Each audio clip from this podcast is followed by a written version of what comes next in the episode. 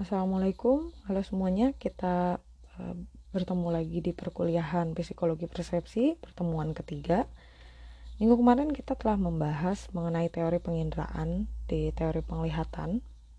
Kita sudah membahas mengenai teori uh, sensasi warna, yaitu teori lawan dan juga trikromatik.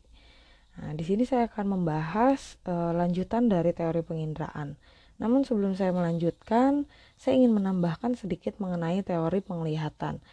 E, membahas mengenai pentingnya kontras warna dalam seni dan juga desain. Berdasarkan hasil penelitian di tahun 2015 oleh Aries Arditi, seorang pakar warna dari Amerika, ia menyimpulkan bahwa kontras warna itu sangat penting dalam sebuah seni dan desain. Karena banyak orang yang tidak normal dalam penglihatannya Artinya dengan, dengan dalam pengertian sel-sel seperti cones dan rods pada mata manusia ini e, menangkap gelombang cahaya tidak seperti e, kebanyakan orang e, memiliki perbedaan ataupun kelainan.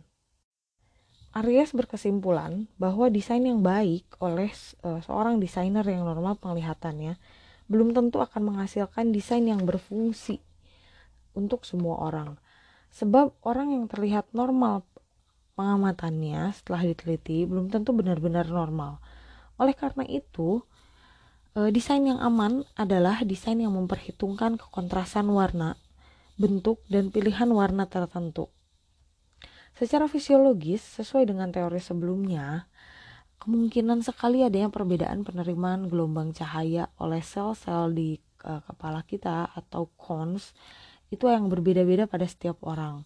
Seperti kita ketahui, eh, sel-sel ini memiliki tiga gelombang eh, warna. Bisa saja sel kerucut itu menerima warna yang memiliki eh, salah satunya adalah pada kelainan seseorang. Dan orang ini tidak mengalami buta warna ataupun penglihatan mata yang tidak sempurna atau disebut dengan parsial uh, biasanya diakibatkan oleh penuaan atau usia tua. Uh, persepsi warna bawaan itu akan mengurangi uh, apa, perubahan persepsi uh, serta uh, mengurangi efektivitas dan aksesibilitas visual dari kombinasi warna tertentu. Dua warna kontras yang tajam ini jika dihadapkan kepada seseorang dengan penglihatan yang normal, mungkin akan berbeda ketika seseorang yang memiliki gangguan. Nah, e, kontras warna terhadap e, warna yang lain akan membuat warna dilihat jauh lebih jelas. E, biasanya kalau misalnya warna dipasangkan dengan warna-warna kontras tertentu, itu bisa terlihat jelas oleh seseorang yang normal ataupun yang memiliki gangguan. Kemudian dalam penelitiannya, Aries Arditi uh, ini memberikan uh, saran ataupun aturan tiga aturan sederhana ketika kita membuat warna yang sangat efektif dalam membuat uh, sebuah desain. Yang pertama adalah sebaiknya dalam pembuatan seni dan desain kita memberikan kecerahan antara latar depan dan latar belakang yang akan kita buat dengan warna-warna yang cukup kontras. Misalnya yang paling sederhana adalah hitam di atas putih. Itu akan sangat sekali terlihat uh, kontrasannya. Sehingga memudahkan seseorang untuk uh, mengidentifikasi uh, bentuk ataupun huruf yang ada di bagian depan atau bagian backgroundnya. Kemudian yang kedua adalah jangan beranggapan bahwa kita melihat kecerahan warna itu sama dengan uh, yang kita lihat pada orang-orang yang memiliki kekurangan. Ada baiknya ketika kita mendesain kita memberikan sedikit kontras yang cukup baik uh, pada warna yang terang itu berikan warna yang sedikit lebih terang dan juga warna yang gelap berikan warna yang sedikit gelap. Nah, ini sangat efektif untuk pembuatan uh, poster misalnya.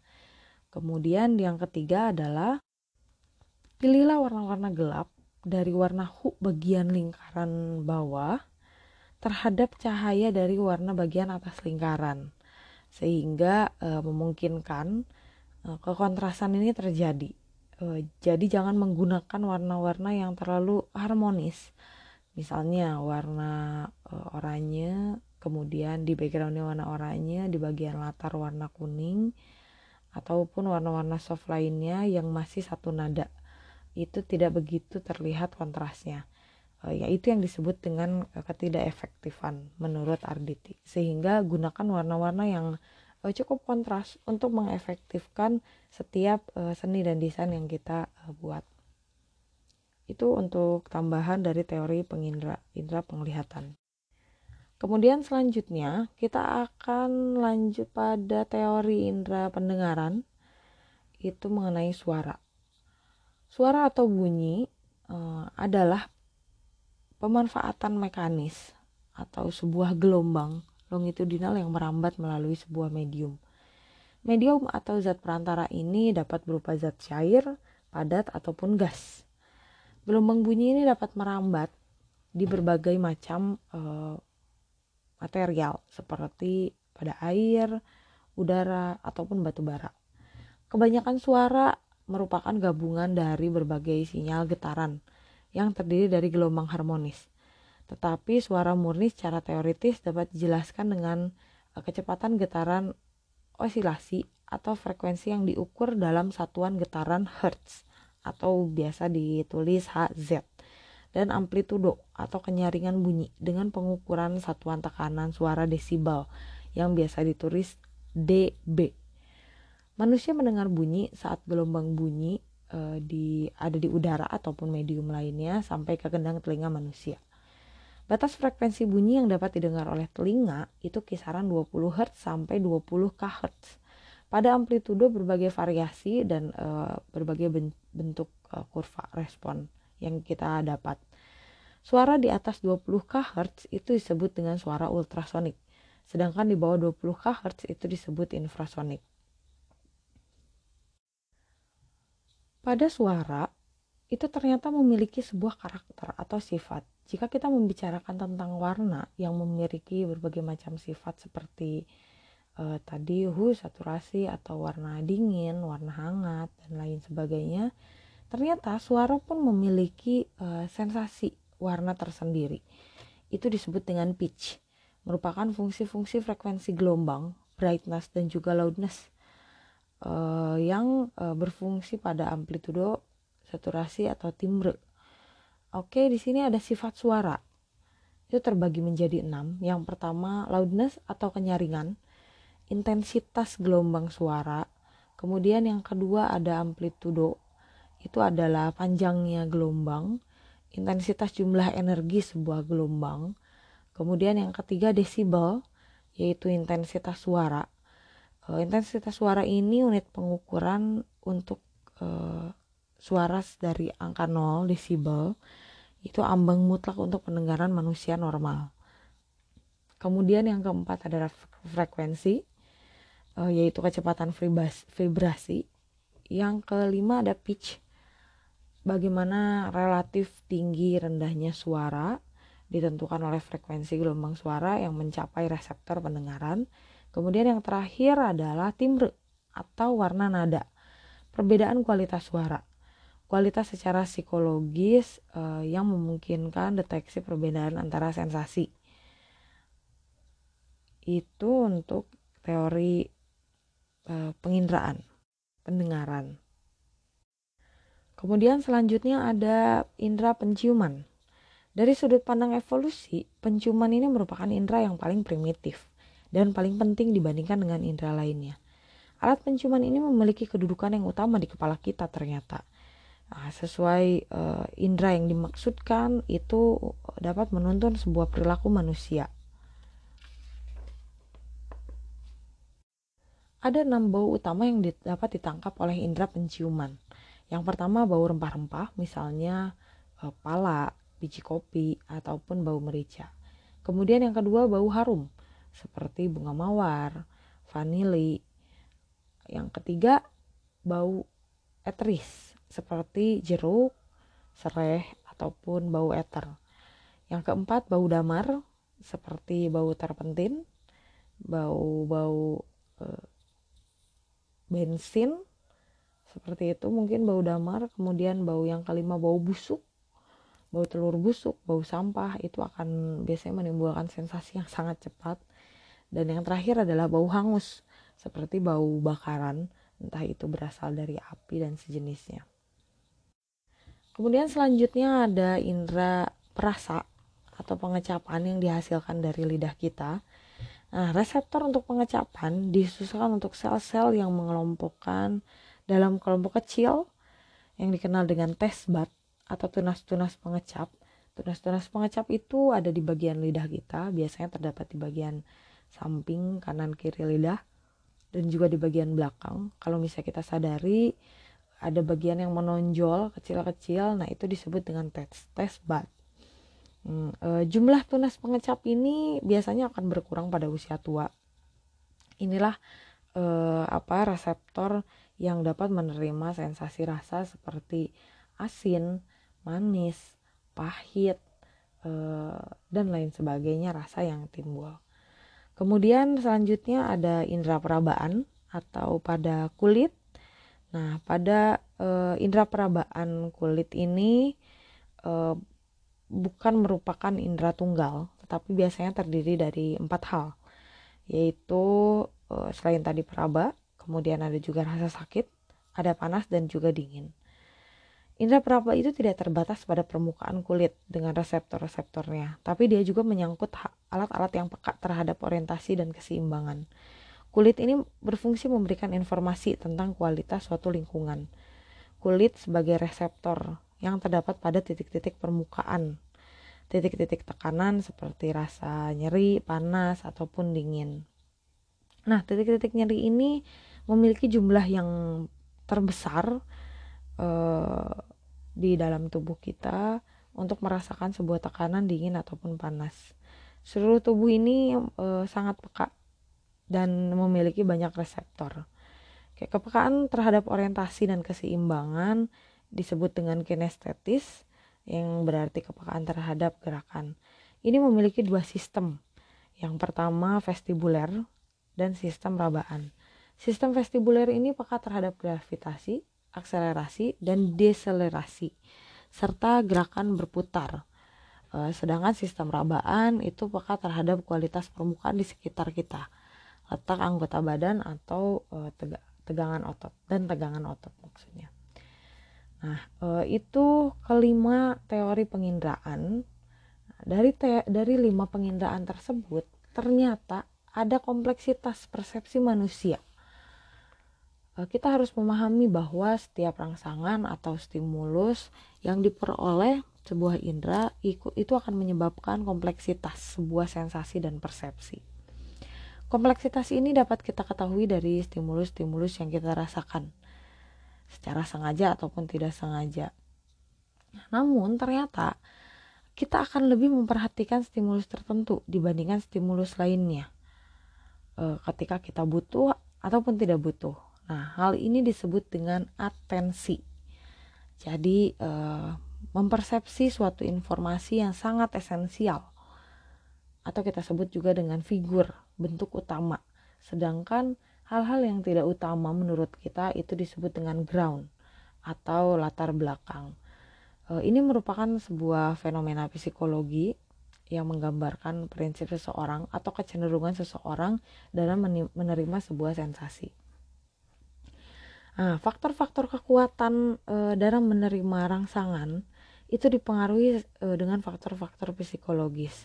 Faktor psikologis ini lebih menonjol peranannya dalam menentukan interpretasi atas stimuli yang masuk. Faktor penentu itu disebut dengan istilah ekspektasi. Nah, faktor ini memberikan kerangka berpikir atau perseptual set e, di mental kita yang menyiapkan e, diri kita untuk mempersepsi dengan cara tertentu. E, nah, mental set ini dipengaruhi oleh beberapa hal. Nah, kita akan berbicara mengenai faktor yang mempengaruhi persepsi manusia. Itu ada beberapa jenis. Ada enam faktor yang mempengaruhi persepsi manusia. Yang pertama adalah neurologis. Ini merupakan informasi yang melalui uh, alat indera yang dimiliki oleh seseorang. Ada impresi, stimulus yang menonjol uh, lebih dahulu mempengaruhi uh, persepsi seseorang. Ini masuknya pada neurologis, kemudian yang uh, kedua adalah konteks kaitan yang dipersepsi dengan ground atau latar belakang seseorang. Uh, yang kedua pada uh, faktor yang mempengaruhi, kalau tadi yang pertama adalah neurologis, yang kedua ada informasi yang dimiliki sebelumnya.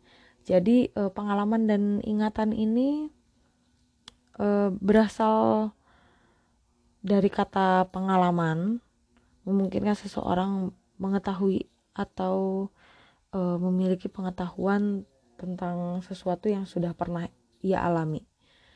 Nah, ini disebut dengan apa? isyarat untuk mendapatkan persepsi tertentu. Kemudian yang mempengaruhi selanjutnya adalah faktor usia. Nah, faktor usia ini sangat mempengaruhi persepsi dari mulai ingatan, keyakinan, pengetahuan, asumsi, sikap, e, maka ia memberikan makna atau persepsi yang lain pada anak-anak uh, muda misalnya anak usia berkembang, dewasa ataupun remaja. Kemudian hal lain yang mempengaruhi persepsi seorang adalah emosi.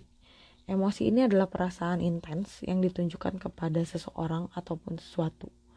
Emosi juga berupa reaksi terhadap seseorang ataupun suatu kejadian. Dapat ditunjukkan dengan rasa senang ataupun rasa-rasa uh, yang lainnya. Kemudian faktor lain selanjutnya adalah kesehatan dan tenaga.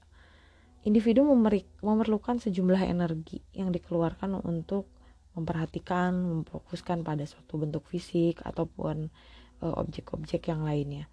Uh, persepsi terhadap suatu objek sangat bervariasi tergantung seberapa banyak energi atau persepsual uh, yang digerakkan untuk mempersepsi sesuatu.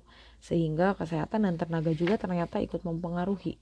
Dan yang terakhir adalah kondisi fisik nah, bagaimana sebetulnya kondisi fisik ini mempersepsikan berdasarkan dengan kebutuhan pada saat itu atau satu titik tertentu contohnya nih yang paling sederhana adalah seseorang akan jauh lebih peka mencium aroma masakan ketika uh, dia dalam kondisi yang lapar uh, atau ingin makan. Pada saat lapar, dia akan uh, lebih agresif, apalagi ketika mendapatkan uh, apa uh, rangsangan indera penciuman seperti wangi dari bau makanan. Itu hal-hal uh, yang dapat mempengaruhi. Jadi ternyata uh, sensasi dan persepsi itu tidak hanya didapatkan pada indera-indera kita begitu saja. Namun banyak faktor yang mempengaruhi ketika kita mendapatkan sebuah sensasi. Kemudian masuk ke dalam otak kita menjadi sebuah memori, membuka memori yang lama ataupun kita mendapatkan memori yang baru uh, yang disebut dengan short the memory ataupun long the memory yang kemudian akhirnya ditransfer oleh otak menjadi sebuah persepsi uh, tertentu terhadap suatu kejadian ataupun satu bentuk yang kita lihat. Itu pembahasan mengenai teori penginderaan dan bagaimana cara uh, man, uh, tubuh kita sebagai manusia menerima menerima sebuah sensasi faktor-faktor uh, apa saja tadi sudah disebutkan uh, apa yang dapat mempengaruhi sensasi dan persepsi tersebut. Seperti itu pembahasan pertemuan ketiga kita. Eh, semoga ilmunya bermanfaat. Eh, terima kasih, sampai berjumpa lagi di pertemuan selanjutnya, di pertemuan keempat. Kita akan membahas mengenai kajian persepsi sosial, budaya, dan juga eh, persepsi ekonomi. Terima kasih, sampai bertemu. Assalamualaikum warahmatullahi wabarakatuh.